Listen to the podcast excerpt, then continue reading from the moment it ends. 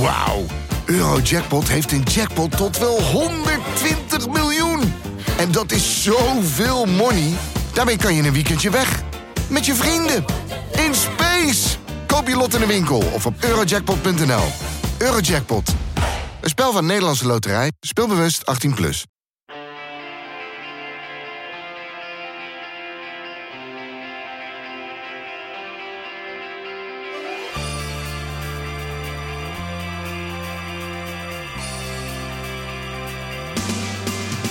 Deze week in Poki een aflevering zonder Alexander, maar met Oscar Lepoeter, een goede vriend waarmee ik bespreek wat is nou precies de impact van Sora, text to video. Waarom is Gemini 1.5 Pro en het grotere contextwindow nou zo'n revolutie? En moeten we het sowieso wel over een revolutie hebben? Of is het eigenlijk simpelweg een evolutie van bestaande technologie? Dit en meer in de Poki van vandaag. Veel plezier met luisteren. Uh, deze week even een, anders, een andere stem in uh, Poki. Alexander is uh, met een welverdiende vakantie. En zoals het wel vaker bij Poki gaat, gebeuren de meest gave dingen als wij of weekend hebben of een weekje niet opnemen. dus heb ik Oscar Lapoeter gevraagd, een goede vriend van mij, om eigenlijk eventjes in te vallen voor Alexander. Ja, ik ben eigenlijk het meest betrokken bij, bij het onderwijs al heel lang. in het basisonderwijs en ik werk nu op de hogeschool, op de PABO. En uh, dat is eigenlijk altijd een beetje een mini-samenleving in het klein. En ik ben uh, nog, ja, ik ben veelzijdig, dus ik hou ook wel van veel verschillende onderwerpen. En een daarvan uh, is technologie. Ik ben eigenlijk niet echt een, een tech, tech guy, om, om het maar zo te zeggen. Maar nu het wel een beetje geworden, omdat het zo, zo hard gaat met de ontwikkelingen. Ik zit zelf ook iedere, iedere week naar de Poki te luisteren. En dan verbaas ik me weer over hoe het toch mogelijk is dat er in één week weer zoveel uitgekomen is. Zoveel nieuws, uh, zoveel ontwikkelingen. Donderdagavond was ik uh, uit eten met een vriend in Amsterdam. En toen uh, stapte ik daarna in de trein om half twaalf. Toen zag ik allemaal berichtjes op mijn telefoon. En dacht ik, oké, of er is iets heel ernstigs gebeurd of iets heel erg leuks. het was een beetje van beide. Want ik zag allemaal berichtjes met video's erin. Die waren gegenereerd door OpenAI met hun nieuwe model Sora. En ik had allemaal linkjes over. Je had het toch in de Poki podcast de vorige keer over dat context window. Nou, het is inmiddels een miljoen geworden. Het gaat wel wat sneller dan we hadden gedacht. En um, eigenlijk heb ik met jou, Oscar, inmiddels al wat langer de discussie. Uh, dat ik eigenlijk zoiets heb van dat Sora, oftewel text to video van OpenAI, is gewoon een stuk groter en heeft me echt weer uh, aan het denken gezet. En dat jij zegt, nou, iets, ik, ik, ik vind het eigenlijk wel meevallen. Zeg ik dat goed? Ja, uh, nou, ik, ik ben ook wel zo'n persoon die jou af en toe een berichtje stuurt als ik denk, het gaat weer los. Maar dat had ik in dit geval niet eerlijk gezegd. Uh, nou, waarom heb je mij geen berichtje gestuurd? ik kreeg een berichtje van jou. Uh, nou ja, ik, ik, ik, ik, was gewoon niet zo onder de indruk. Maar ik, ik weet niet of dat komt dat ik dan nu een beetje jaded, een beetje verzadigd ben van, de, van het nieuws. Of dat ik gewoon niet zo, ja, niet zo goed technisch onderlegd ben dat ik zie wat de grote sprong nou is van plaatjes naar video. Uh, wat ik wel had uh, toen van tekst naar plaatjes. Die, die sprong uh, vond ik veel groter, eerlijk gezegd. En daarbij zag ik meteen alle scenario's van alle artiesten hebben geen werk meer in nepnieuws en bladibla. En nu denk ik, ja, dat wisten we al. Alleen nu pakken we nog een ander medium erbij, namelijk video. En wat, wat, wat was nou, jouw... jouw nou, voor mij is het, is het ja, en ik waarschijnlijk, ik hoop dat ik er, ik hoop bijna dat ik ernaast is zo, maar ik had echt een Oppenheimer momentje. hey, ik dacht echt toen ik dat zag van, oké, dit, dit is echt anders. Ik krijg echt een beetje rillingen ervan. Oh. En dat is niet per se omdat het zo, dat is niet alleen omdat het er zo scherp uitzag en zo overtuigend die beelden. En voor de luisteraar, het was het al gezien, maar de deel van jullie het nog niet heeft gezien, er zijn beelden gemaakt door een generatief algoritme die je eigenlijk wel met wat uh, goed kiezen van de juiste beelden. Hè, want het is altijd niet het, ene beeld is niet zo goed als het ander. Zou je dat gewoon in een reclamespot kunnen gebruiken uh, op de televisie of uh, voor je YouTube video. En dan zullen, zal niemand dat doorhebben. Als je dat gewoon slim doet. En dat is best wel een, sprong. Jij zegt erbij, Oscar, van nou, we konden toch ook wel hele mooie foto's en animatie, als in illustraties maken. Dat dan laten bewegen is toch niet zo'n hele grote stap. Nou, waarom ik het wel een beetje een Oppenheimer momentje vind. En daarmee bedoel ik dus, uh, dat je iets kleins ziet in essentie of een soort stukje van. En ik extrapoleer dan de toekomst in. Hè? Dus in het geval van Oppenheimer is het oké. ik heb een theorie over, niet alleen hij, maar een groep mensen, uh, hoe je een uh, atoombom kan maken. En op een gegeven moment heb je het kleinste stukje voor elkaar, wat eigenlijk betekent nu hoef ik het alleen maar te schalen. Ik moet het nu onder controle gaan krijgen, wat ik zojuist heb gedaan. Maar dat ik heb gedaan wat ik heb gedaan, betekent. Ook al is er nog geen grote klap geweest, weet je al, de grote klap gaat komen. Omdat je zo diep in die materie zit. Maar wat was dat dan nu met video? Want ik had dat wel, dat, dat moment had ik wel met de tekst, met tekst toen gewoon uh, de GPT-2 en zo, dat, dat ik daarmee uh, aan de gang ging. Ik had het ook met Delhi, dat ik dacht, hoe, hoe, ik, ik voer gewoon zes woorden in en daar komt een plaatje van. Hoe is dit mogelijk?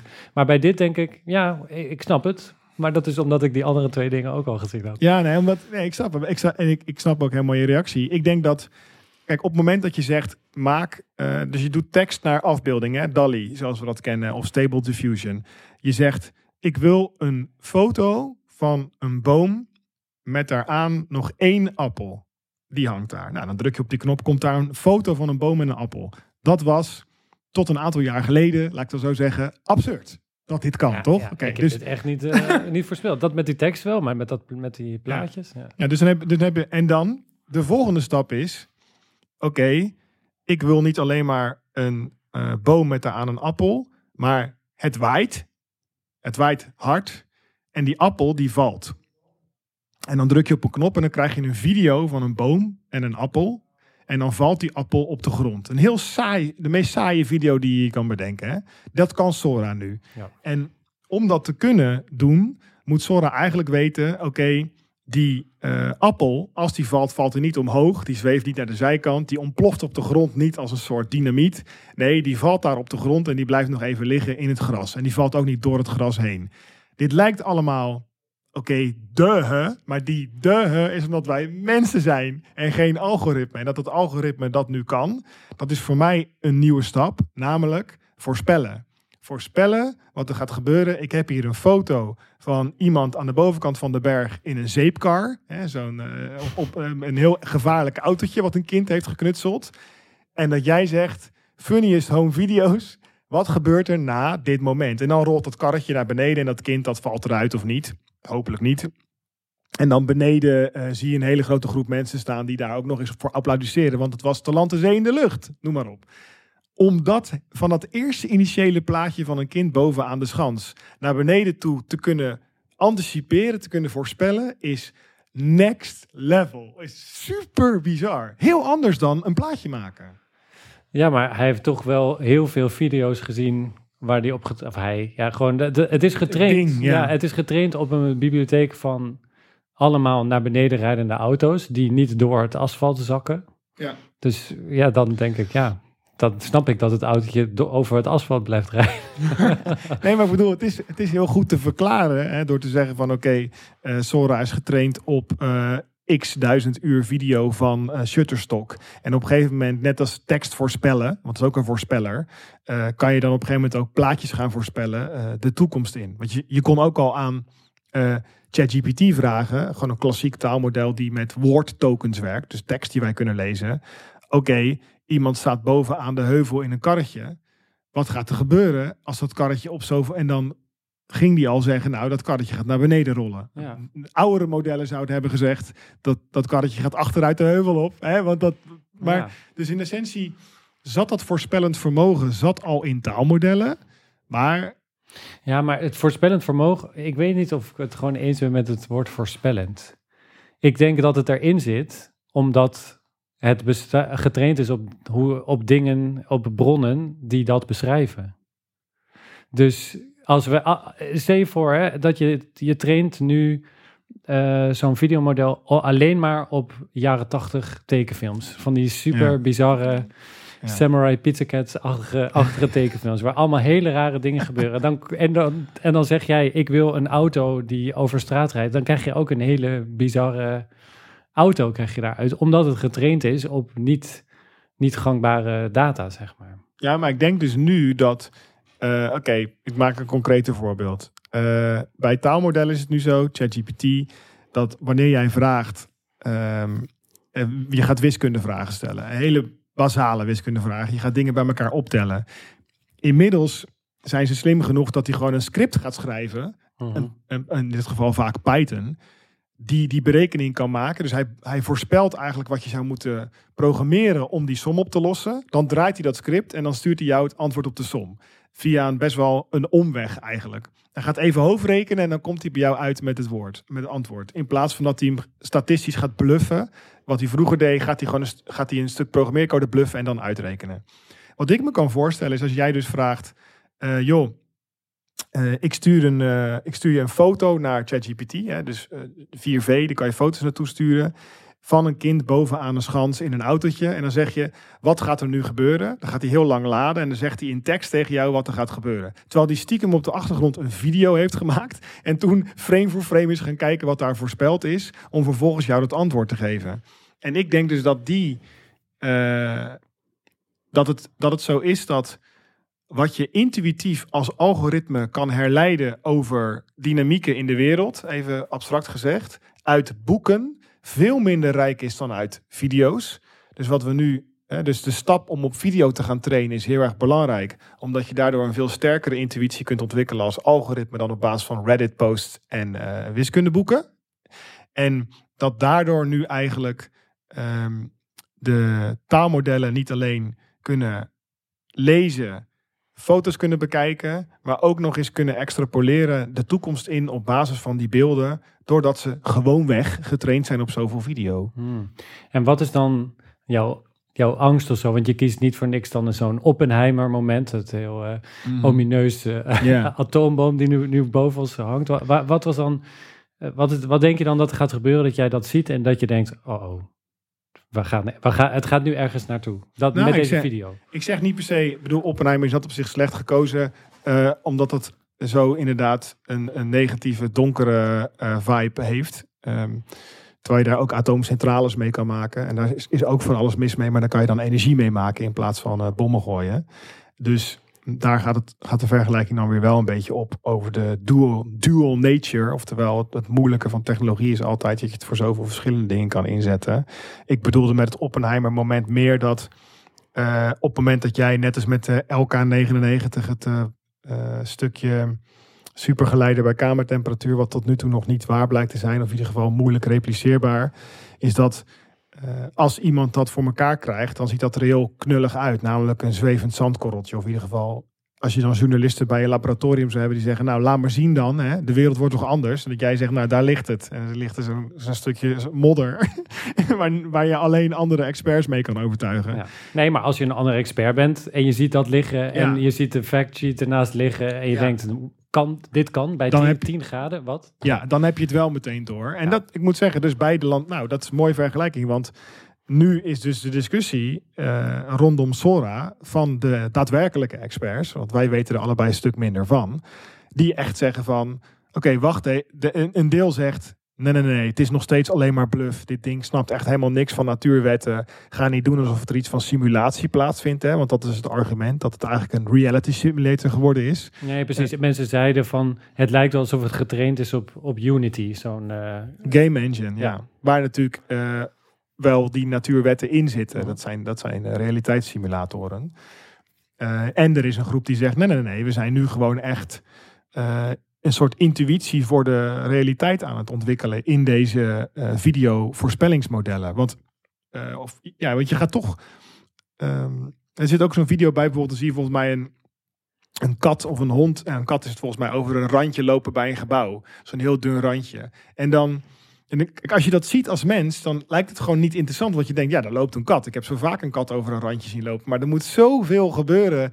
Wil je dat kunnen Ja. voorspellen als algoritme? Nee, maar ik, ik denk dat jij ook zo bent, dat, dat je uiteindelijk denkt, wat maakt het mij nou uit of er echte natuurkunde uit. zit, of dat het er Nee. gewoon uitkomt, omdat die, vanwege de, hoe, het ge- hoe het getraind is.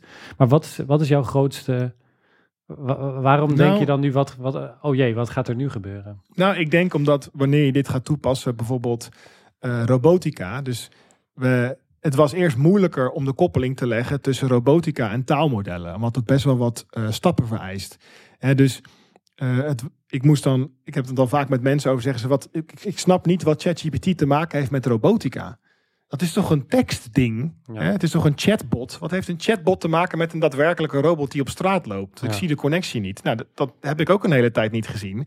Maar met, wat- met wat tussenstappen, hè, op het moment dat je eh, beeld eh, kan geven als input in plaats van een tekst, daar zijn we al lang. Hè? Je kan gewoon een foto uploaden van je huiskamer en intérieuradvies vragen aan ChatGPT. En die krijg je nog wel in tekst terug. Maar je kan dan ook zeggen, geef het interieuradvies op basis van een schilderij in de stijl van Van Gogh. En dan gaat hij daar ook nog iets leuks voor je mee doen.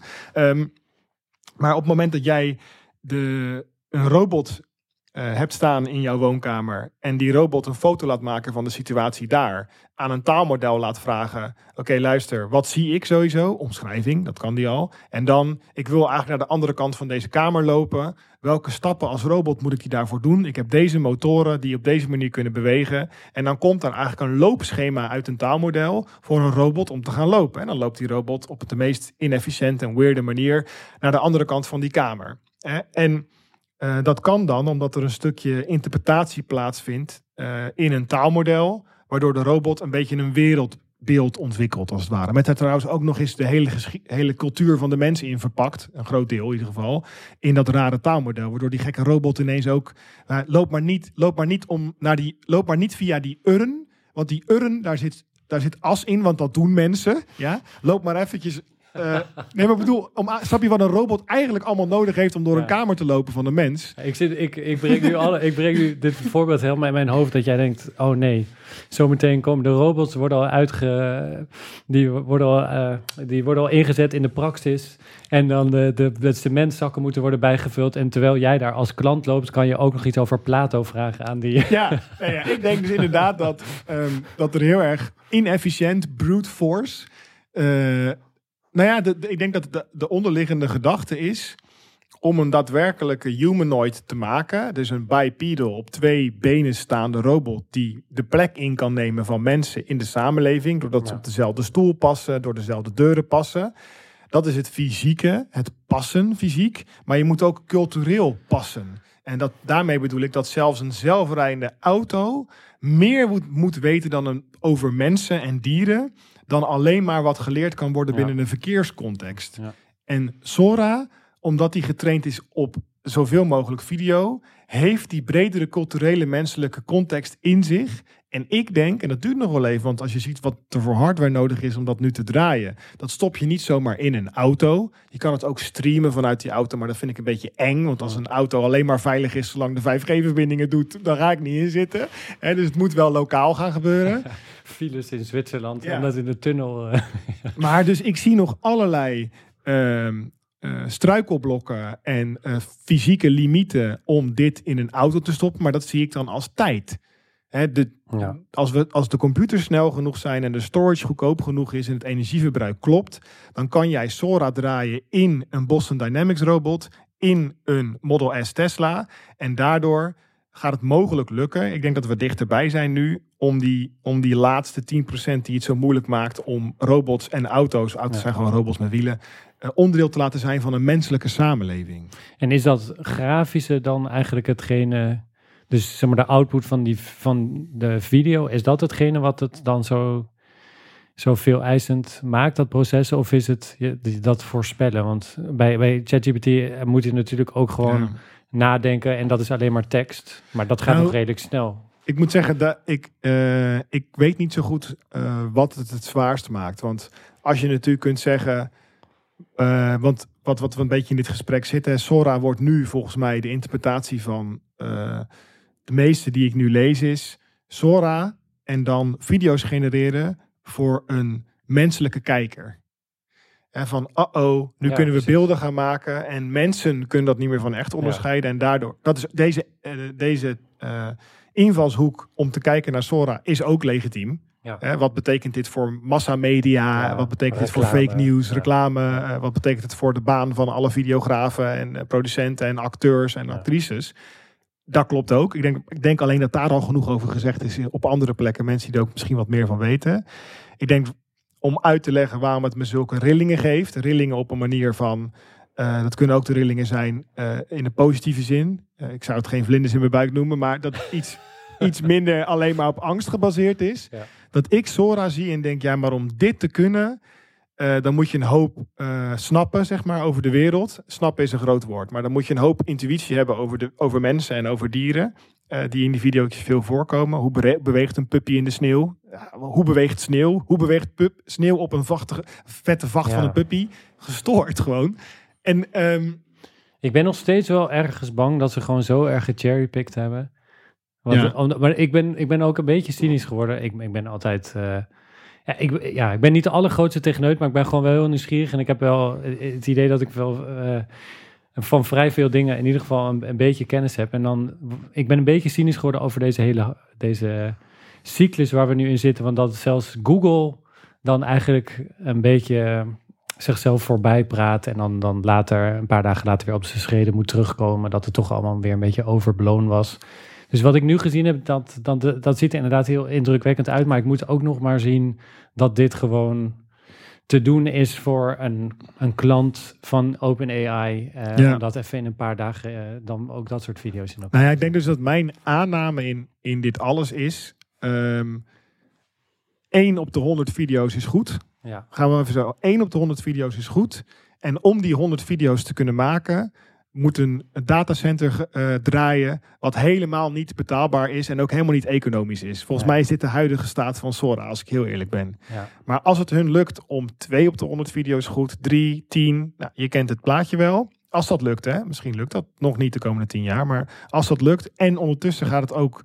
de chips worden beter... Ja. en de algoritmes worden efficiënter... dan kan ik me voorstellen dat lokaal op jouw eigen MacBook 30 seconden Full HD video genereren binnen een jaar of drie, vier mogelijk is. Nou, als dat mogelijk is, past het ook in een auto en Ja. past het ook in een eh, robot. Ja. En dan denk ik heel veel van eh, wat robotica is en automatisering 2.0, hoe je het maar wil noemen, of automatisering met ook kunstmatige intelligentie erop geplakt, zeg maar. Heel veel daarvan is tot, tot nu toe nog niet gelukt qua automatisering, omdat wat automatisering vooralsnog betekende, bijvoorbeeld in een taartfabriek, is die hele taart bijna aanpassen aan dat die makkelijker geautomatiseerd gemaakt kan worden. Hè. Dus het ontwerp van de taart wordt aangepast aan de machine. En vervolgens de machines bijna perfect inregelen dat die de Ja, hele dag taartjes doen. Nee, volgens mij is dat ook eh, wat eh, uiteindelijk het idee, idee, het idee was van die Tesla-robot. Dat, eh, even met, met auto's is een makkelijk voorbeeld. Daar heb je natuurlijk van die helemaal niet mensachtige arm, armen die dan portieren van auto's daar precies op de, op de micron daar netjes neerzetten. En volgens mij was het idee van die Optimus, volgens mij heet die robot. eh, de hele wereld, die, alle fabrieken zien er, zijn gemaakt eigenlijk voor mensen. Dus laten we een robot maken die gewoon dan de taken kan overnemen zoals mensen ze nu ook doen, toch? Ja, en ik denk dat in dat opzicht, dan moet ik meteen aan denken dat eh, dat is het verhaal wat ik ooit las. Het ging over motoren. Eh, dus dan heb ik het niet over waar je op gaat zitten en op de snelweg gaat rijden, maar eh, het hart, het klomperde hart van jouw auto, een bra- verbrandingsmotor, zeg maar. Dat, ehm, of eigenlijk meer het concept van een motor. Dat op een gegeven moment de discussie was tussen een vader en zoon. Dat die zoon zei: later zitten er in auto's misschien wel 40 motoren. En dat hij zei: wat een, wat een, sowieso een motor is veel te duur en dat moet je allemaal onderhouden. Maar zijn, wat hij bedoelde is elektromotoren. Oftewel het motortje dat jouw ramen omhoog duwt. Het motortje wat jouw slot op slot draait met een afstandsbediening. Het motortje dat een pompje aanvoert voor jouw ruitenwisselvloeistof. Nou, dit, het idee van een motor was toen nog heel van dat is te duur, te groot. En dat kan je niet maken. Maar als je motortjes op een gegeven moment heel klein kan maken, dan is het helemaal niet gek dat er 30 motoren in jouw auto zitten. Alleen dan op een iets andere manier. Nou, eh, als de Raspberry Pi 7 een eh, tensor core heeft, een TPU, dus die helemaal geoptimaliseerd is voor machine learning taken, dan zou jij binnen een budget van 10 watt en 50 dollar misschien DALI 3 plaatjes kunnen maken. Ik noem maar wat. Ik heb het nog niet over Sora. Maar ik zit een beetje in een toekomst te denken waarin dit massa geproduceerd, Ja. super geoptimaliseerd en betaalbaar is. Dus wat ik nu zie in Sora zijn de eerste inklings, de eerste vonkjes van iets wat ik denk, ja, maar als dit kan, hoe zwaar, hoe moeilijk en hoe, hoe crappy ook, dan is er niets wat het tegenhoudt om dit op grote schaal te gaan doen, behalve tijd. Nee. Dus in plaats van eh, een grote geautomatiseerde combine Tesla, zeg maar zo'n ding die rijdt om eh, graan te oogsten bijvoorbeeld, denk je dan is het logischer dat je daar dan een zo'n bipedal, dus een, een mens, eh, ja, een Android-achtige. ja, ja dat, dat is het woord toch? Android, dat is een soort mensen, mensenachtige. Daar inzet, de die je dan ook weer kan inzetten voor allemaal andere taken op zo'n boerenbedrijf. In plaats van dat je al die allemaal hele gespecialiseerde grote robots maakt die maar voor één taak geschikt zijn. Ja, en ik denk dus dat Sora ons een stap dichterbij brengt in, in, waarom dat voor mij toen ik dat zag, dat ik dacht van, in eerste instantie dacht ik ook, jeetje, wat betekent dit voor uh, de media in de brede zin en voor ons als mens? Maar mijn tweede sprong was, ja, maar als dit ding op een bepaalde manier rekening houdend met menselijke cultuur voorspellend vermogen heeft voor de komende 15 tot 30 seconden, dat is genoeg om door een fabriek heen te lopen. Dat is genoeg om een kruispunt over te steken. Geen maanden voorspelling nodig. Maar dat was een beetje jouw, jouw gevoel van, jij zag dat, je dacht, oh, ik had het nog niet verwacht, dit soort videobeelden. Ja. ja. Een doorkijkje eigenlijk naar uh, wat jaren in de toekomst. Ja, want als dit dan uh, wat mij betreft hoeft het niet per se scherper of beter te worden. Misschien iets minder artifacts. Hè? Dus extra handen en extra armen voor als je het wil gebruiken voor menselijke consumptie. Maar ik denk als je het wil gebruiken in een groter netwerk van algoritmes die samenwerken. Dat het meer dan prima is om uh, door een fabriek heen te navigeren als robot. Nou ja, en je hebt natuurlijk ook wel nog dat samenwerkmodel. Hè? Want waar we eerder zeiden van ChatGPT had geen wiskundekennis. Hij kon niet eens, uh, dat weet ik nog helemaal het begin, uh, vorig jaar oktober, november. Hij kan niet eens 1 plus 3 of zo doen. 1 plus 1 wel, want daar was hij op getraind en dat had hij blijkbaar heel vaak gezien dat het 2 was. Maar als je dan een, net een andere som, ik weet ik veel, 4 plus 5 of zo, dan, dan kon hij dat niet. Maar inmiddels werkt hij dan samen door uh, aan de achterkant of iets van programmeertaal te schrijven of iets van een Wolfram Alpha uh, plugin of zoiets aan te roepen. En ja, wellicht kan er in dat Sora uh, GPT-model ook uh, dat die bepaalde, ja, noem je dat, natuurkundige kennis die bijvoorbeeld in zo'n zelfrijdende auto, dat die dat ook laat meedraaien. Ja, en ik denk dus, want nu natuurlijk DALI 3 is geïntegreerd in GPT-4. Dus op het moment dat je nu vraagt, ik heb dit, dit, dit, gedicht, wil je daar een mooie schilderij bij maken? Dan doet hij dat, roept hij op de achtergrond uh, DALI aan. En dat staat ook netjes erbij, powered by DALI. Dat vindt OpenAI natuurlijk te gek. En dan komt daar een plaatje uit. De volgende stap is dat je Sora ook aan kan roepen. Maar dat is dan puur aanroep omdat jij het als mens wil consumeren. Ik denk dus dat die modellen op de achtergrond zelf ook Sora en DALI kunnen gaan aanroepen. Om daar uh, ja, voorspellingen op te gaan doen. En uiteindelijk zal het zo zijn dat je natuurlijk een veel geoptimaliseerdere versie van het algoritme kan maken. Want eigenlijk heb je die beelden niet echt nodig. Ik bedoel? Dat is een beetje... Nee, exact. Dat, dat vroeg ik net ook. Ja. Maar goed, eh, het andere grote nieuws van deze week was dat uh, een, een, nieuwe tussenversie van Gemini, eigenlijk het, het taalmodel van Google, die is van 1 naar 1,5 gegaan. En daarmee het belangrijkste is dat de context window heel erg vergroot is. Dus de, de grootte van de prompt eigenlijk die je kan meegeven. Toch? Dat zeg ik zo goed? Je zegt het perfect. Ja, ik denk dat de laatste aflevering hadden Alexander en ik het al over die context window. Dus inderdaad, hoeveel mag je meeplakken in je prompt? Kan je een heel boek meeplakken? Kan je meerdere boeken meeplakken en daar dan vragen over gaan stellen? Um, die is nu ineens naar een miljoen gegaan. Uh, van 128.000 uh, tokens in uh, GPT-4 Turbo naar 1 miljoen in Gemini 1.5. Ik vind het sowieso interessant, want waar ik het al veel over gehad heb de laatste weken is Google komt nu een beetje naast OpenAI rennen in de wedstrijd. Hè. Als je dat dan even een beeld van twee uh, vermoeide marathonrenners zit. Google komt er nu zo naast rennen. De vraag is wie het meest vermoeid is op dit moment. Of zijn ze allebei nog fit? Maar goed. En met die uh, eh, 1.5 versie van Gemini. Met 1.0 zijn ze er een beetje half achter gaan rennen. Misschien in de slipstream van die andere renner. En met 1.5, als het dan gaat om die context window, rent Google nu tijdelijk OpenAI voorbij. Ja, nou, ik, ik heb dit ook wel gevolgd natuurlijk toen Gemini uh, uitgebracht werd, niet zo lang geleden. En toen was iedereen toch wel een beetje...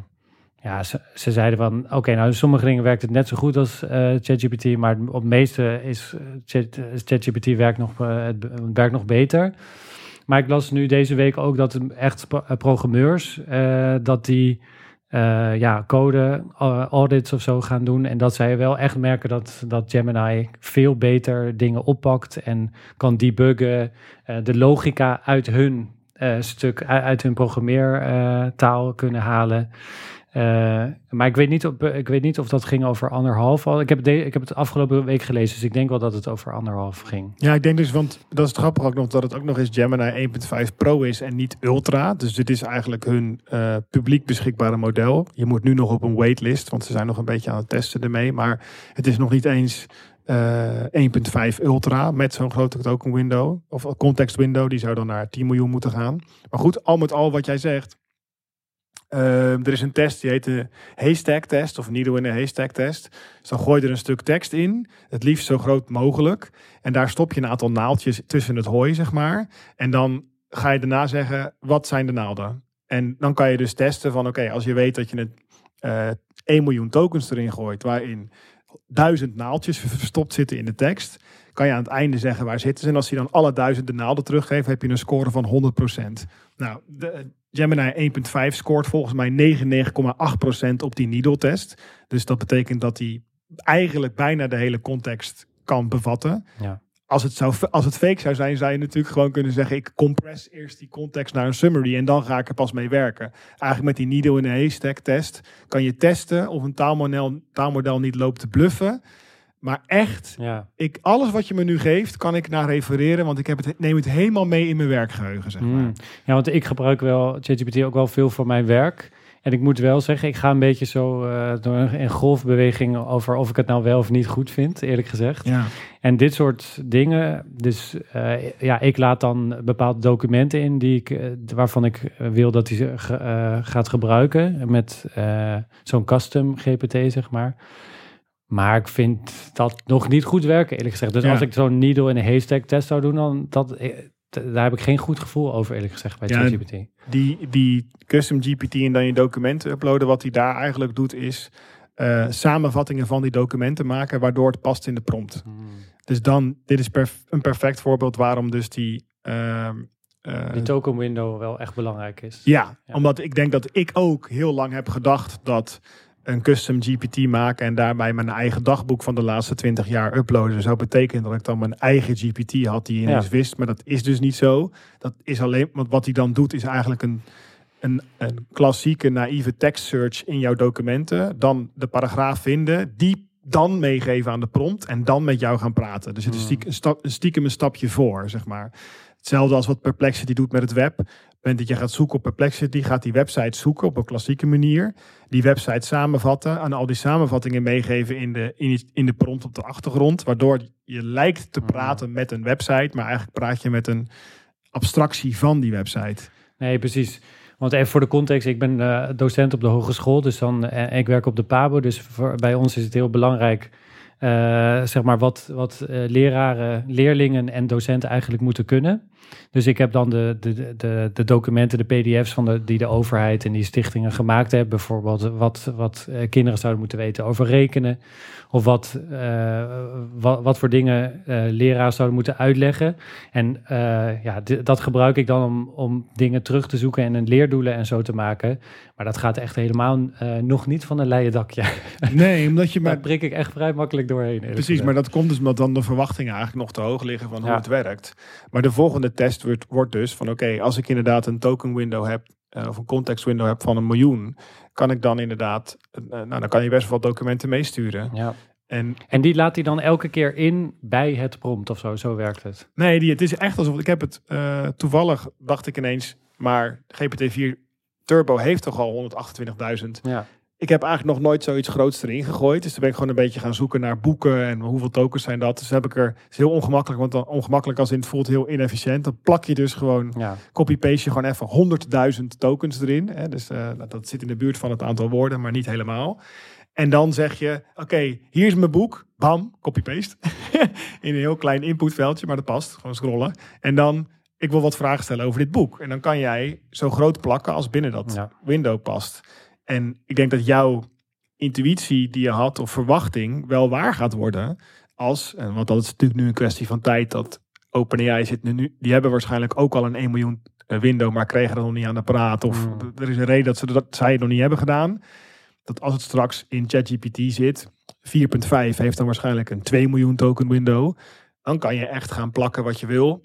En hoop ik eigenlijk dat ze een interface bieden waardoor je dus die documenten erbij kan doen als attachment. En dat ze op de achtergrond zorgen Ja, dat het dan allemaal meegenomen wordt. Want anders is het een En- beetje ongemakkelijk. Want het, een beetje mijn idee of mijn doel was, eh, ja, een voorbeeld van een andere beroepsgroep. Stel je voor, jij bent eh, een agent, politieagent, en je doet, werkt op, op het bureau en je moet gewoon even snel aanroepen eh, welke overtreding of welke ding van het wetboek, welke lid, eh, weet ik veel. Dat, ja, vroeger, eh, toen er misschien minder wetten waren, kenden die mensen dat uit hun hoofd. Maar ja, dat kan, kan je dan, dan makkelijk meegeven, dat hele wetboek van bepaalde overtredingen. En dat je dan gewoon in zo'n prompt vraagt, oké, help me even een procesverbaal opstellen van deze en deze overtreding.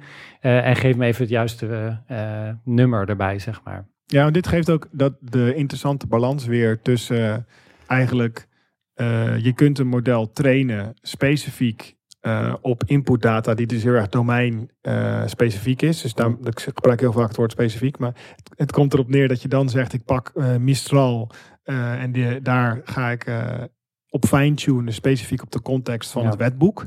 Daarmee kan je een model eigenlijk slimmer Maar dan maken. kan hij alsnog, ik denk dat dat geen goede laag is, omdat hij dan, dan gaat hallucineren. ja, ik En denk dat het wil je dus dus ook. echt niet.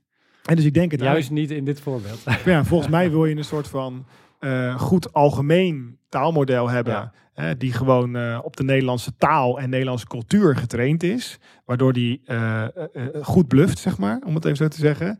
En dan een zo groot mogelijke context Ja, waarin je je specifiek het wetboek plakt. En dan vragen. Voor mij zijn we er dan, als in Ja. dat het dan gaat werken op de manier dat mensen dachten dat die custom GPT's zouden werken. Ja, ja, ja, ja. En daarbij, eh, we hebben het net over eh, Sora gehad. Dat vergroten van die context window met deze orde van grootte, eh, keer 10 ongeveer, iets minder. Vind ik dus ook weer heel erg revolutionair. Omdat ik, ik weet natuurlijk wat hoe groot de, code, de codebase is van mijn eigen bedrijf. Die past nog niet in ChatGPT 4 Turbo. En die gaat passen in Gemini. Dat betekent dat ik dan kan zeggen, joh, hier is alle code die we de laatste jaren hebben geschreven. Ik ben benieuwd naar mogelijke optimalisaties. Zou je dit structuur anders maken? Kan je het voor me visualiseren op een bepaalde manier? Ja. Wat kunnen we nog meer maken? Ik be- bedoel, de, het is hetzelfde als je bent een schrijver en je plakt je hele oeuvre erin. Ja, en, en, en, en waar zijn we dan? Is jouw gevoel even nu? Eh, we, nemen, we, we nemen dit op februari 2024. zeg maar, wat, wat, wat denk je? Hoeveel tijd kost het nog voordat eh een GPT iets zinnigs kan zeggen over jouw, eh, jouw programmeerstuk? Nou, dat is nu een kwestie tot ik toegang krijg tot Gemini 1.5. Ik sta op de waitlist, dus als ik, daar, als ik van de waitlist afgehaald word, dan kan ik al eh, vragen gaan stellen over onze hele codebase aan Gemini 1.5. Ja, maar daar, daar, ja, dus dan kan je een vraag stellen. Maar hoe groot acht je de kans dan dat daar een zinnig antwoord uitkomt?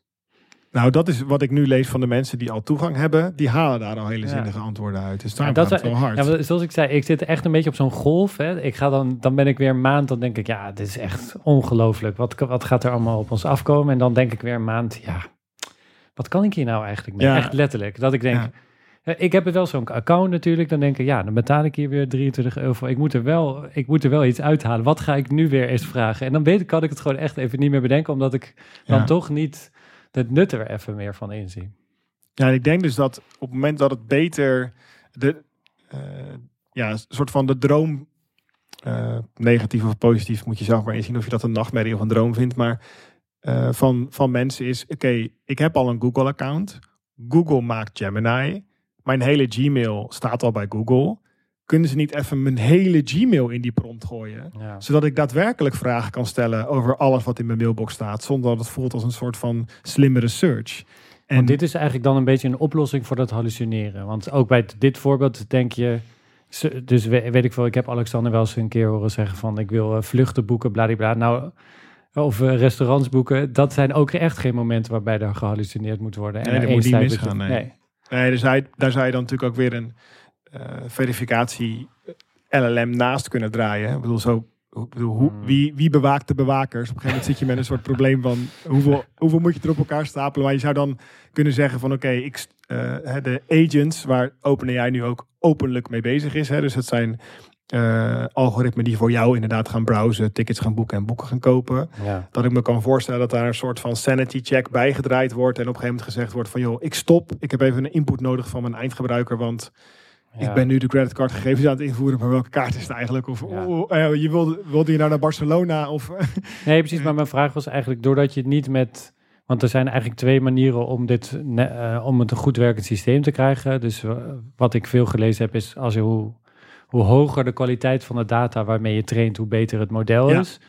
Maar jij zegt eigenlijk, er is nog een tweede manier nu. Dus je hebt gewoon prima getraind model, laten we het even zo zeggen. Gewoon medium goed getraind, zoals wat we nu hebben. Bij, bijvoorbeeld bij ChatGPT. Alleen omdat je token window zo groot is, kan je daar allemaal goede, eh, specifieke, relevante data aan toevoegen. En dan kan je hem ook beter maken zonder aan de oorspronkelijke data te komen. Ja, en het- ik denk dan van ook, waarschijnlijk kom je tot een soort eh, eh, ultieme, eh, dan niet ultiem, maar een soort gemiddelde context window die groot genoeg is voor de meeste taken. Hè? Want het is niet meer is beter van oké, we moeten naar een, een window toe van een 100 miljoen Nee. Eh, misschien zeg je van nou, eh, de gemiddelde mens creëert in zijn of haar leven op dit moment zoveel tekst eh, per jaar. Eh, dus een gemiddeld mens van 45 heeft zoveel tekst. Hoe groot is dat voor een context window? Nou, dan, dan komt die grafiek nu langzaam in de buurt van we kunnen er een mensenleven aan geschiedenis in gaan plakken. Ja, dat dat Maar is nog wel maar waarom weg, zou je een max willen precies? Op dat Nou, nee, ik, ik, ik wil geen max, maar ehm, Maar is, dat, is dat die je hoeft niet technische te blijven optimaal. Nou ja, exponentieel zelfs. Dus van, om van 1 naar 10 naar 100 te gaan. Eh is het een soort decibelschaal. Moet je, hele, moet je veel grotere dingen doen. Eh, Maar is dat dan in rekenkracht? Wat is dan de limiet hierin? eh, goede vraag. Ik weet eigenlijk niet eh, wat ik. Daarom zit hij nu ook nog achter een eh, waitlist, die nieuwe Gemini. Omdat zo'n groot token window meenemen in eh, wanneer je gaat praten met een taalmodel is niet zo makkelijk. Daar, anders hadden ze hem altijd al groter gemaakt, hè, als dat zo makkelijk Ja. was geweest. Dus het is toch een soort vorm van eh taalmodelwerkgeheugen wat moet groeien. En om even de twee onderwerpen aan elkaar te verbinden, zou, je dus ook, doordat die token window zo groot is, eh, lange video kunnen voeren. Eh, kan je in dat moment bij dat verkeerslicht als zelfrijdende auto Nou, ik dacht meer veel van, meer meenemen. Ik wil meer, ik, ik dacht meer, ik wil een eh, eh, Oh. movie classics Ja. GPT maken. En dat ik gewoon alle Hitchcock en de behind the scenes en de alle documentaires eh, doe in plaats van alleen maar boeken over Hitchcock. Nou, ik, ik kan me voorstellen dat je inderdaad eh, een model à la Sora traint op alle afleveringen van Friends, hè, de bekende serie. En dan wordt hij helemaal gefine-tuned. Dus uiteindelijk maakt hij alleen maar alles binnen Central Perk. Zeg maar. Het zijn alleen maar dezelfde acteurs. Het heeft dezelfde graininess en 4 bij 3 ratio als een Friends aflevering. Daar ga je helemaal fine-tunen. En dan plak je daarna in de window alle tekst ooit uitgesproken in een Friends. En dus de hele scenario's. ehm eh, je? En de, hoe noem je dat ook een, eh, ik heb nog nooit in een film gespeeld, maar dan heb je het script voor je. Dus je pakt alle scripts, die hebben ze zeker nog wel liggen, van alle Friends afleveringen ooit op een fijn getunede Sora. Ja, zodat het niet gaat hallucineren op Ja. aflevering. Want je moet wel, het moet wel, in- het moet wel, ik bedoel, Monica is nog steeds de zus van Ross. Dat moet hij wel weten, als het ware. Want anders wordt het een beetje vreemd. En dan kan je op die manier een, een nieuwe Friends-aflevering maken... die visueel aantrekkelijk is. En ook qua verhaallijn continuity geeft met de eerdere Friends-afleveringen. Heiligschennis. Ja, ja, maar ja, ga je het niet kijken? Misschien moeten ze het dan eh, verplicht aangeven ergens in de hoek. Of van tevoren komt er een berichtje. Maar Ik kijk nu al uit naar een nieuwe aflevering van Nobody in the Computer. eh, een YouTube, Ja. vriend van de show. Zeker weten. Ja, ik denk dat ehm, in dat opzicht, wat er voor mij ehm, een beetje in de lucht hangt van ons gesprek, is dat ik, ik laat me graag weer met twee benen op de grond zetten als het gaat om eh, die vlinders in mijn buik of dat paniekgevoel, hoe je het maar wil noemen. Mijn, mijn, ik heb gewoon echt een sterk emotionele, intuïtieve reactie op wat er nu allemaal gebeurt. Dat ik denk, het gaat wel echt heel hard. En eh, dit betekent het zit allemaal nog in laboratoria, achter paywalls, achter waitlists. En het kost allemaal nog ontzettend veel rekenkracht. Maar ik zie nu wel gewoon een pad naar de toekomst liggen, meerdere paden. Waarin eh, robotica, eh, dus, dat, dus dat is het fysieke eh, werk, taken die overgenomen kunnen worden. media op zijn kop staat. het hele virtuele domein. dus alles wat niet in het fysieke plaatsvindt, maar op een schermpje staat op te schudden op de grondvesten. En dat zorgt ervoor dat ik toch wel jou al een aantal keer heb gebeld met... Ben ik nou de enige of is er wel iets groots gaande? En dat, dat vind ik ook nog wel interessant om die discussie met jou nog eens te voeren Ja. van... waarom heb jij eigenlijk nu het idee dat het misschien wel meevalt? Of zie jij het nog niet zo groot als ik het zie? Nou ja, ik zit gewoon heel erg op die slinger omdat ik, als ik met jou praat, als ik op uh, internet dingen lees, uh, ik uh, volg ook veel podcasts, andere podcasts over dit onderwerp. Dan zie ik het allemaal wel voor mijn ogen zich voltrekken. En de, ik zie de ontwikkelingen. Ik, ik denk na over hoe dat in de toekomst eruit ziet. Mijn werk is ook het bezig zijn met met onderwijs, met kinderen. Dus uh, de, ja, de dingen die ik doe, die, die zouden impact moeten hebben voor, uh, voor 100 jaar, zeg maar. Um, dus ik ben hier ook echt veel, wel veel mee bezig. Maar als ik dan weer in mijn echt in mijn eigen omgeving kijk, op een paar vrienden na, vooral in mijn werk en me, ja, ook, ook bij mij thuis, dan, dan heeft het gewoon nog helemaal geen impact. Maar gewoon echt, nou ja, niet eens overdreven, gewoon echt bijna niet. En dan, uh, ja, dan de, vraag bij mij is eigenlijk, ja, is nu inderdaad de, de elektriciteit uitgevonden en moeten we gewoon wachten tot alle huizen uh, verbonden zijn? En als je, uh, weet ik veel, in de, in de 19e eeuw goed bezig was, dan, dan zag je het allemaal wel aankomen. de gloeilampen en dat alle fabrieken allemaal geëlektrificeerd werden. Maar ook al zag je om je heen, zag je het niet. Zag je nog gas en lampen op straat en zo. Maar ik, ik, ik zie het gewoon uh, bijna niet uh, op, mijn uh, op mijn werk bijvoorbeeld, behalve een paar negatieve gevolgen, zodat alle studenten nu, of allemaal, dat er, en, en, daar is het ook nog weinig, dat er maar 20% van de studenten zijn ongeveer die grootschalig gebruik maken van ChatGPT om een inleveropdrachten te maken. En voor de rest zie ik gewoon heel veel mensen die, die niet, een, niet, niet, niet eens weerstand hebben, maar die het gewoon eigenlijk helemaal niet interesseert. En dat gaat gewoon helemaal langs hen heen, deze hele ontwikkeling. Ja, ja ik zit zelf te denken van wanneer. Want ik, kijk, ik snap op een bepaalde manier wel dat. Op het moment dat ik bij Nicolas Tesla uh, in zijn laboratorium ben geweest. En die laat mij een, uh, een, uh, een radiografisch iets zien. Hè. Dat is een van de dingen die hij onder andere heeft uitgevonden. Of in ieder geval veel aan heeft bijgedragen. Is het idee dat je eigenlijk onzichtbaar informatie door de lucht kunt versturen. Want dit klinkt echt zo wauws, maar dit doen wij gewoon de hele, tijd. De hele tijd, ja. ja. het is heel erg bizar. Maar uh, even voor het gemak, er ligt een speelgoedbootje in het water. Jij hebt een afstandsbediening met een draadje eraan. Een soort antennetje wat een soort ongemakkelijk daar hangt. Want het was een goedkoop bootje. En jij drukt op een knop en dat bootje gaat in het water heen en weer varen. Radiografisch bestuurbaar. Uh, um, nou, die als ik dat gedemonstreerd zou hebben gehad bij Nicolas Tesla, dus hij zet een lamp aan terwijl daar wel een draad naartoe loopt om de stroom te bieden, maar niet een draad naartoe loopt om de kring te verbreken, dus de schakelaar is, is op afstand, dan heb ik wel een geest, dat is gewoon waar ik mee geboren ben, die dan tegen hem zegt, nu wordt alles anders. Ja. Terwijl we echt alleen bij hem in het lab staan en niemand heeft nog die draadloze schakelaar. En dan kan mijn brein misschien 5% voorzien van de 95 van de 100% die, die ook gebeurt als je radiografisch dingen kunt doen. En ik heb nu het gevoel dat als ik Sora-video's bekijk, als ik Gemini 1.5 reacties lees van andere ontwikkelaars die daar een hele codebase in plakken, of uh, iemand die zegt: Ik heb alle 30 boeken die ik ooit heb geschreven erin geplakt en ik heb nu boek 31, hij komt er meteen uit. Ja. van. Dan is dat zo'n zo'n zo'n lichtschakelaar op afstand moment voor mij. Ja, ja, ik weet niet. Ik denk dan ook, we wisten ook al heel lang dat lood niet goed was en verf. Maar weet je hoe lang het geduurd heeft voordat we niet meer gingen schilderen met lood? Ja, nou, en dan, dan krijg je zeg maar die uitspraak van uh, the future is already here. It's just not evenly distributed yet. Hè? Dus ja. uh, die, toen Nicolas die knop omdraaide waar ik dan uh, in mijn fantasie bij stond, dan fiets ik daarna naar huis. En dan zet ik daarna kaars aan bij mij thuis. Want ik had nog niet eens elektriciteit, terwijl hij het al aan, op afstand aan het doen was. Zeg maar, hè, om even de delay aan te geven. Maar dan... Er is volgens mij een minderheid van huizen die op afstand bestuurbare uh, lichtknopjes ja, heeft. Klik aan, zelfs, klik uit. Zelfs nu nog. Zo lang heeft het geduurd.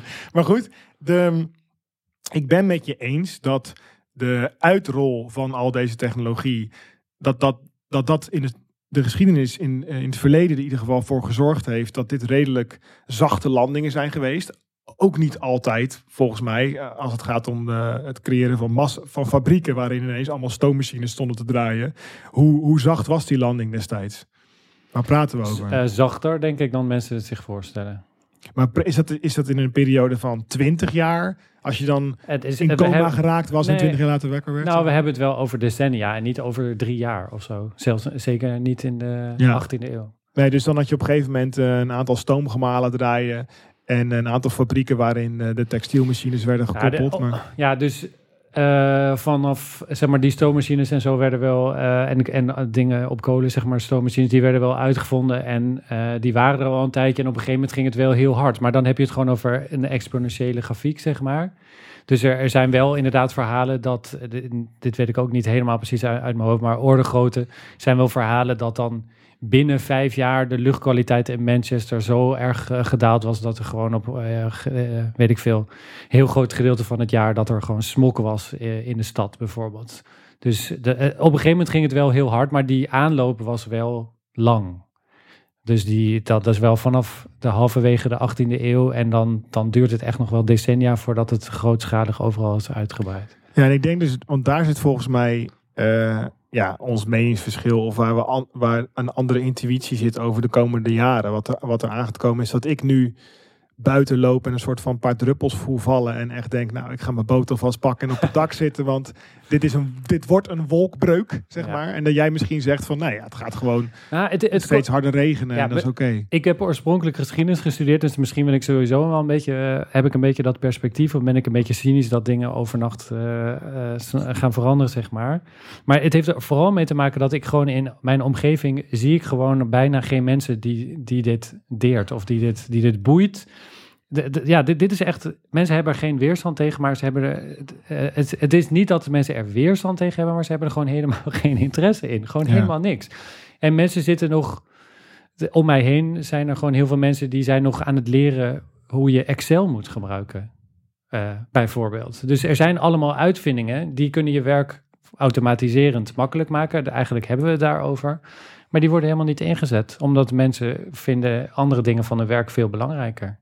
Ja, en dan is het misschien wat, wat mijn intuïtie daarbij is van oké, eh, de reden dat het in het verleden niet zo snel ging omdat het heel fysiek was. Hè. Je moet toch wel die stoommachines bouwen. Je moet mensen hebben die stoommachines kunnen bouwen. Je moet ze vervoeren. Dan moet je, de, moet je die fabrieken inrichten.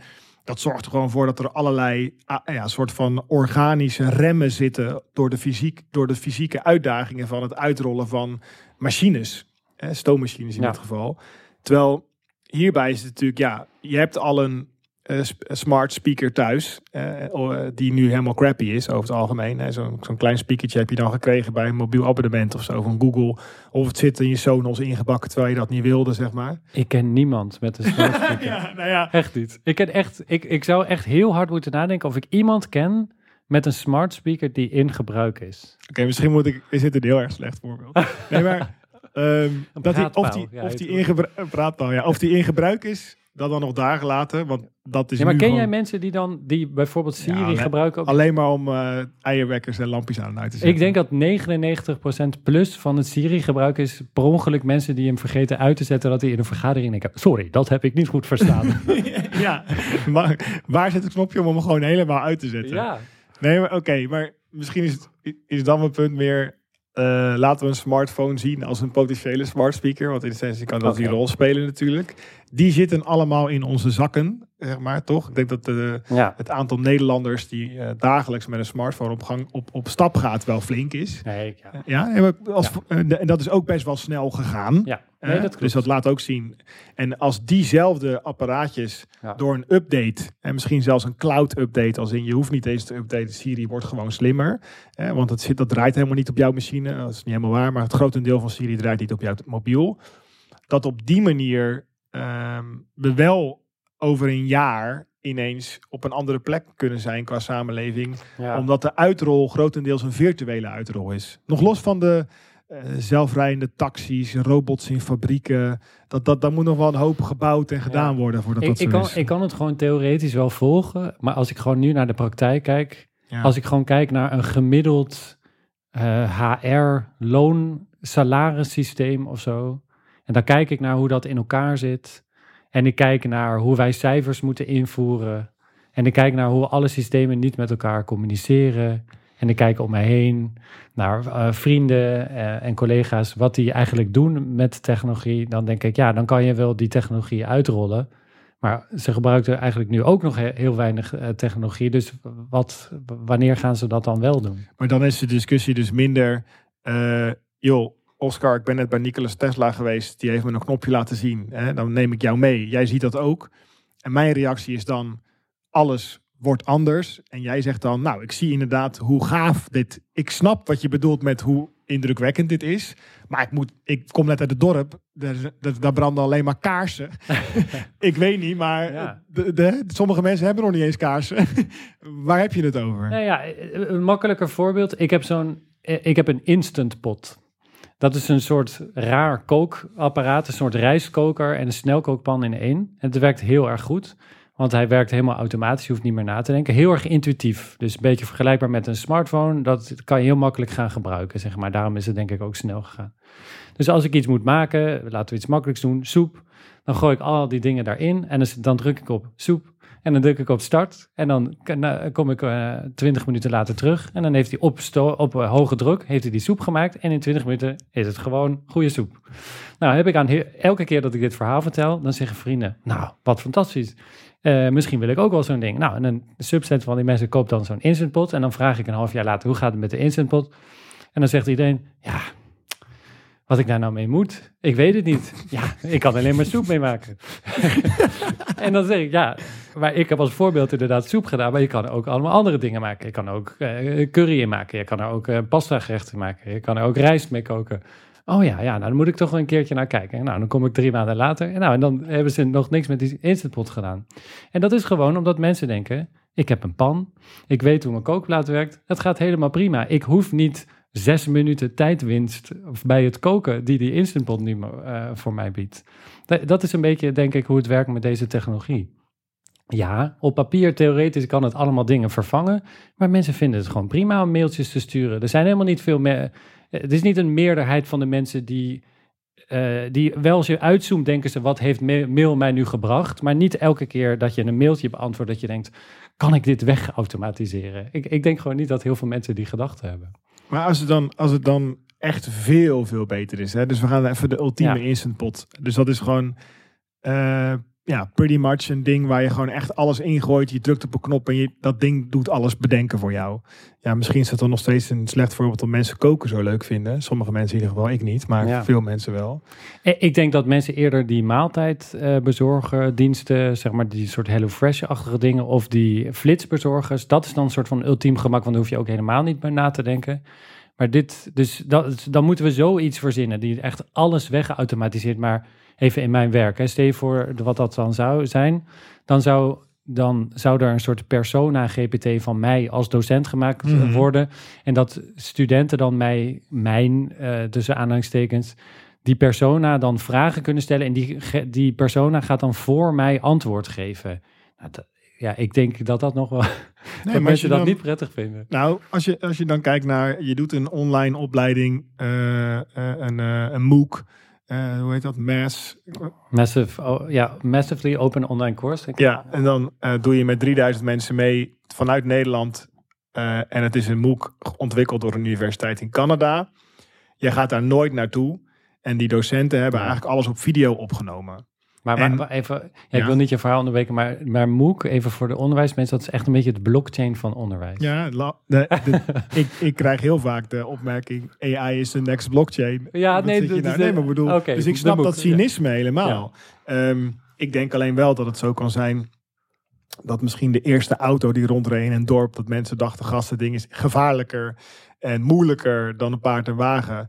Doe niet zo, doe niet zo tof. En pas als die 200% beter is dan de paard en wagen, of 400%, dat dan ineens en mass mensen overstappen op een nieuw ding. Maar wacht, dus ik ga de MOOC weer even in leven Ik denk dat er eerst de wegen moeten liggen voordat dan mensen... Ja, dat is, dat is nog een ander probleem. Dat is betere, strakkere wegen. Nee, maar dat, de, ik probeer de, de, vergelijking door te trekken. Dat, men, dat er eerst een denk architectuur, denk infrastructuur of een professionele infrastructuur moet liggen die heel anders werkt, waardoor je dit soort dingen goed kan inzetten. En nu op het, ja, op het moment Ja, maar ik heb het echt over een beetje die truc die eh, Tesla doet met die bipedal robots. Hè? Dus je zegt gewoon, we gaan super inefficiënt doen. Eigenlijk zouden we de hele wereldwijde infrastructuur moeten herbouwen om eh, automatisering toe te passen. Nee, wat gaan we doen? We gaan mensen maken die in bestaande vrachtwagens gaan rijden. Omdat het robots maken die op de plek gaan zitten van de chauffeur. In plaats van een hele nieuwe zelfrijdende vrachtwagen bouwen. Hè? Dat, dat, als engineer is dat heel inefficiënt eigenlijk. Ja. Maar goed, je kan ook uitstappen, naar een deur toe lopen, een pakketje afleveren eh, en een bakje koffie doen met, met, met zijn collega's. En dan leuke historische feitjes noemen. Want er zit ook een heel taalmodel in. Want dat was makkelijker om dan door de straten te rijden. Ik maar denk goed, echt dat je overschat hoe graag mensen met die robot willen praten. mogelijk krijgt hij een kopje koffie in zijn gezicht gegooid. Ja. Maar, nou, op- nou ophoepelen. Ik sta mijn ochtendjas. mag Kees. Maar in ieder geval, ehm, ik zit dan even te denken. De MOOC. Ja? Dus in die MOOC is het al zo... ehm, Misschien is MOOC dan een slechte term, omdat het dan niet zo goed gelukt is. Maar je gaat online les krijgen van videootjes met daar experts in. Echte mensen. Ja, maar mensen willen dat niet, online les. We hebben net dat met corona gehad. Zeg maar, ik moest, ik ben aangenomen toen om iets na te denken en een strategie te bedenken over blended learning. Als ik het woord blended learning nu noem, dan worden mijn collega's echt, die krijgen gewoon uitslag. Die denken, ik ben blij dat, we- ze zeiden het nieuwe normaal en ik ben blij dat het oude normaal gewoon voor 99% weer terug is. Ik denk niet dat mijn punt is. eh, het is goed voor mensen, kinderen, jongvolwassenen. om vanuit thuis op een Chromebook thuis zittend een video te kijken. Sterker nog, dat maakt me hartstikke verdrietig. Dus dat dat punt even gemaakt is. Dat ik hier niet pretendeer. Dit is wat we moeten doen. Ik ben meer aan het kijken naar eh, wat is er mogelijk om te genereren. Hè, nu, niet, niet- nog niet op grote schaal, maar is het nu mogelijk om een overtuigend menselijk uitziende eh, persona te creëren op video in hoge resolutie, die met een goede stem van Eleven Labs een les geschiedenis geeft van 20 minuten online, eh, dan kunnen we dat, we kunnen dat nu maken. Want het, die tools zijn los van elkaar beschikbaar. Ja. Er moet even een partij komen die zegt, ik koppel dit allemaal aan elkaar. En dan, eh, laat ik zo zeggen, YouTube gaat gevuld worden. En ik ben heel benieuwd wat de policy van Google gaat zijn. Die gaat gevuld worden met eh 15 minuten lang eh, video's, uitleg over onderwerpen, gegeven door een synthetisch mens met een synthetische stem, met een script geschreven door een taalmodel. En dat worden hele goede video's ook. Gewoon van die explainer video's, zeg maar. Ja, maar ik denk dus dat 90% of noem een ander heel hoog percentage van de mensen naar een opleiding gaan om samen met een docent of samen met anderen door een opleiding geholpen te worden. Want anders dan zou niemand een bachelor nemen en dan zou iedereen gewoon op internet kijken naar allemaal van dat soort video's en dan zouden ze eh, de, gewoon die kennis op die manier tot zich nemen. Ja, dus daarin, wat jij bedoelt is van, nou, eh, het onderwijs zoals het op dit moment binnen Nederland gegeven wordt, is niet zo onderhevig aan al deze AI-uitvindingen. Want het merendeel Nou, vindt plaats op het, in het fysieke. Nee, ik- ik kan me wel voorstellen dat in dat leven lang ontwikkelen domein, dus voor mensen die deeltijd of zijnstromers, omscholers, dat het, dat het, eh, dat het daar wel. Eh, ja, dat het wa- daar wel uitkomst kan bieden. Dat je meer flexibel kan kijken naar wat zijn nou de, de, de vaardigheden en kennis die ik moet leren. En wat, kan ik, wat breng ik al mee, wat heb ik al in huis. Maar dat is wel, eh, dat is wel, dat is een andere soort groep eh, studenten tussen aanhalingstekens dan, dan gewoon een reguliere student. Nou, ik denk dat de discussie vooral is dat binnen programmeren heb je al heel lang code completion tools. Oftewel, je begint een zin te typen en dan zegt jouw editor tegen je, je gaat waarschijnlijk dit typen. Dit hadden we al lang voor taalmodellen, want je kan een beetje voorspellen wat voor woord er komt. Dat is op zich te doen. En het was ook al zo dat je een linter had die bijvoorbeeld zegt, kijken naar hoe jouw documenten geschreven zouden moeten worden volgens de specificatie. Hè. Het heeft te maken met hoeveel tapjes je gebruikt, maar ook hoe je je functies noemt. Dan kon je die ook al door een ding heen halen. Die trok hem even recht, zeg maar. Hè. Ja. Dat, en het zal in de fysieke ruimte niet anders bestaan. eh, om het op die manier te kunnen doen. Deze tools waren er al. Er is best wel een substantieel onderdeel van de programmeurs die nu zegt... die taalmodellen zijn gewoon dat, maar dan keer twee. Bedoel, nu wordt mijn zin afgemaakt van mijn programmeren op een iets slimmere manier. En als ik mijn stuk programmacode heb en ik wil dat laten controleren op bugs, vroeger haalde ik het door een linter en nu haal ik het door een taalmodel. En dat is een soort iets betere linter. Wat, wa- wat zeggen zij?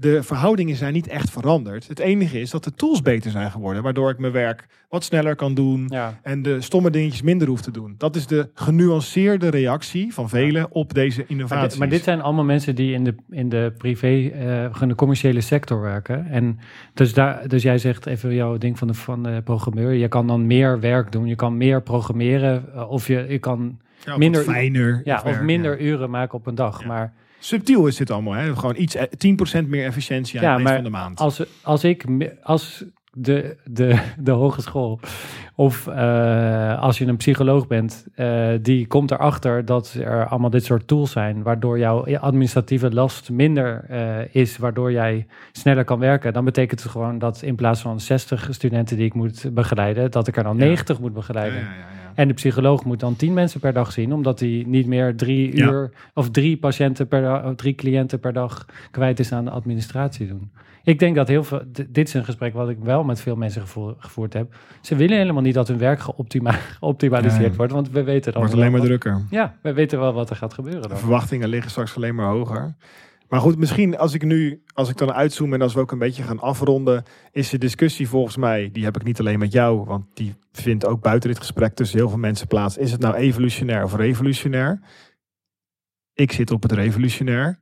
Eh, Deze, al, de verzameling van al deze begonnen ooit met een taalmodel anderhalf, twee jaar geleden. Eh, evolutionair zou inhouden, we hadden al technologie, dat speelde al een rol in ons leven. Nu Mhm. komt er, hè, dat is dus een beetje de cynische take van AI is wat, hoe de meest recente technologie altijd heet. Dus technologie voelt altijd als intelligent en magisch. Dus eh, wat nu AI heet, heet over tien jaar weer gewoon een algoritme. En dan heet wat op dat moment het allercoolste is AI.